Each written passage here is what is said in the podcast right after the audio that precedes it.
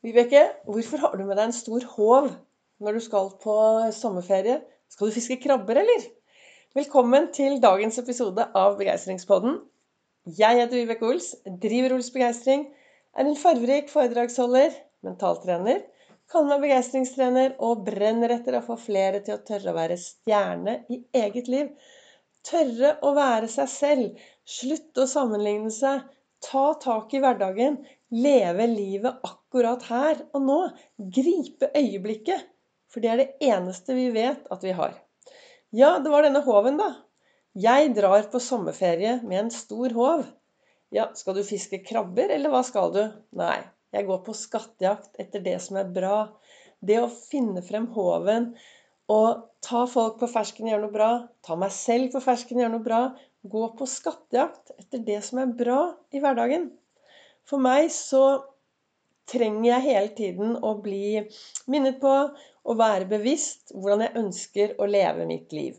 Jeg starter jo hver eneste morgen Jeg starter først med Olsfokus. Det å finne tre ting å være takknemlig for. Finne tre ting å glede seg til. Finne tre gode ting med meg selv. Og så topper jeg dette med å spørre meg selv Ok, Vibeke, hvem kan du glede litt ekstra i dag?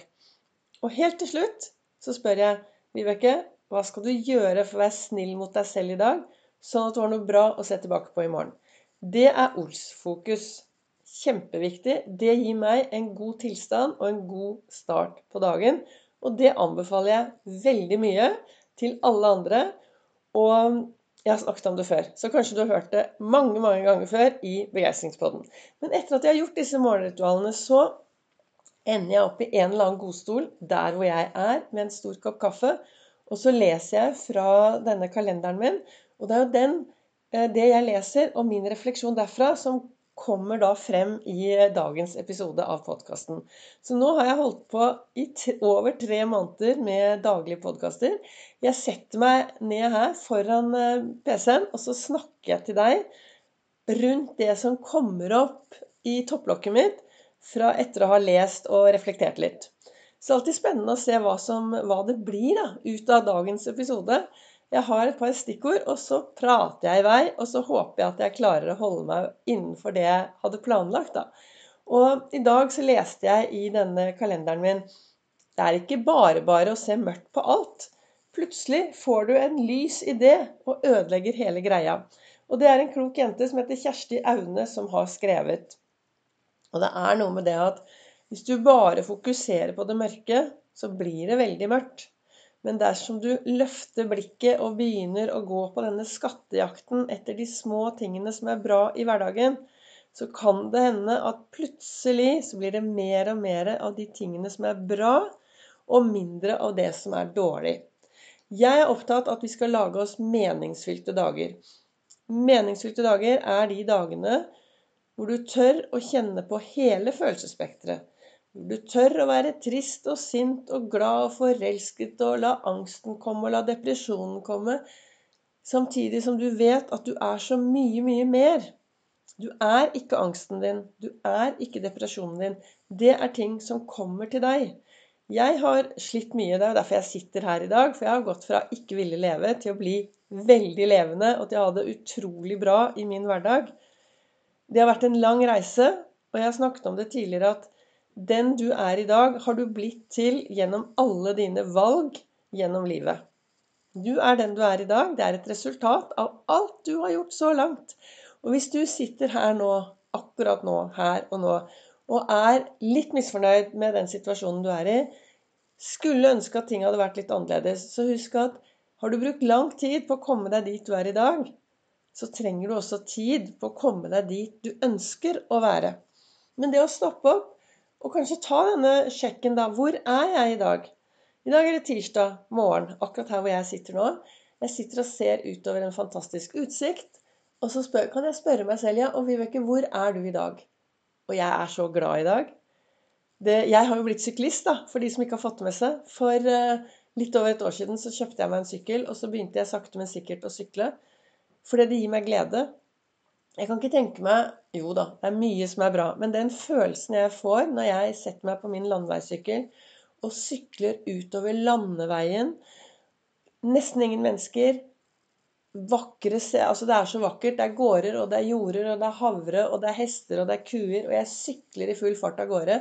Jeg har på meg hjelm, men det er, det er de samme følelsene jeg fikk når jeg drev med ridning i ung alder. Ung alder.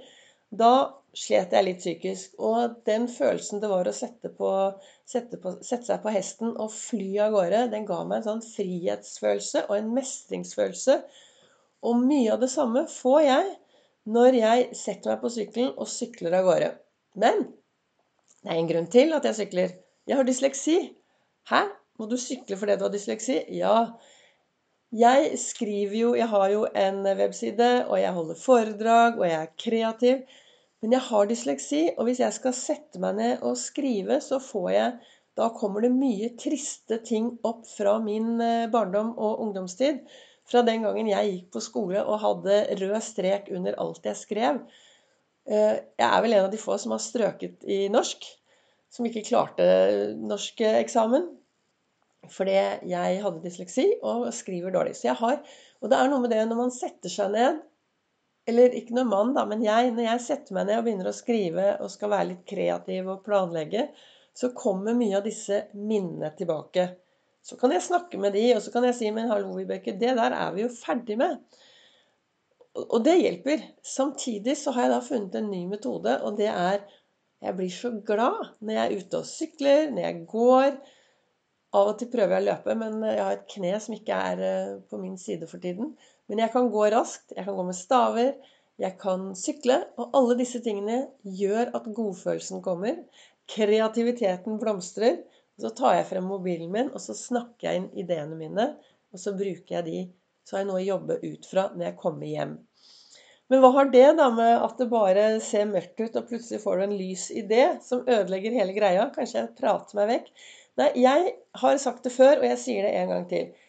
Hvis du ønsker endring, hvis du ønsker å ha det bra i hverdagen din, så stopp opp og fokuser litt på det som jeg kaller begeistringshjulet.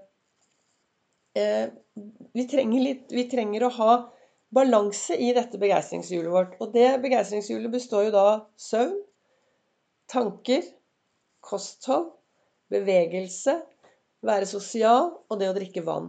Og en av de aller viktigste tingene for meg som Jeg blir altså så glad bare jeg sitter, Nå sitter jeg her, og etterpå så skal jeg ha med meg hippie ut, og så skal vi gå Olsmila. Vi går en mil hver dag. Rolig tempo. Vandrer, hilser på folk og hygger oss. Jeg blir glad i dag bare av å tenke på det. I går snakket jeg om ankring. Jeg har jo lagt Jeg kan bare dra i strikken min, og så kommer godfølelsen. Det var det jeg snakket om i gårsdagens, uh, gårsdagens episode. Og bare jeg tenker på joggeskoene og vet at jeg nå skal gå en tur, så blir jeg glad. Og det er jo det som er viktig å finne Altså slutte å være bevisstløs. Altså bli litt mer bevisst i handlingene våre, valgene våre. Hvem er jeg, og hvor går jeg? Slutte på å gå på autopilot der det trengs å være litt mer til stede her og nå. Og det blir faktisk sagt at det du fokuserer på i din hverdag, det du fokuserer 20% på, det kan du få 80% av. Det blir kalt Pareto-effekten. Så det kan du gå inn og google, så finner du Pareto-effekten. Og da spør jeg deg Hva fokuserer du på i din hverdag? Hva, hvor er ditt fokus? Det du fokuserer 20% på, kan du risikere å få 80 av.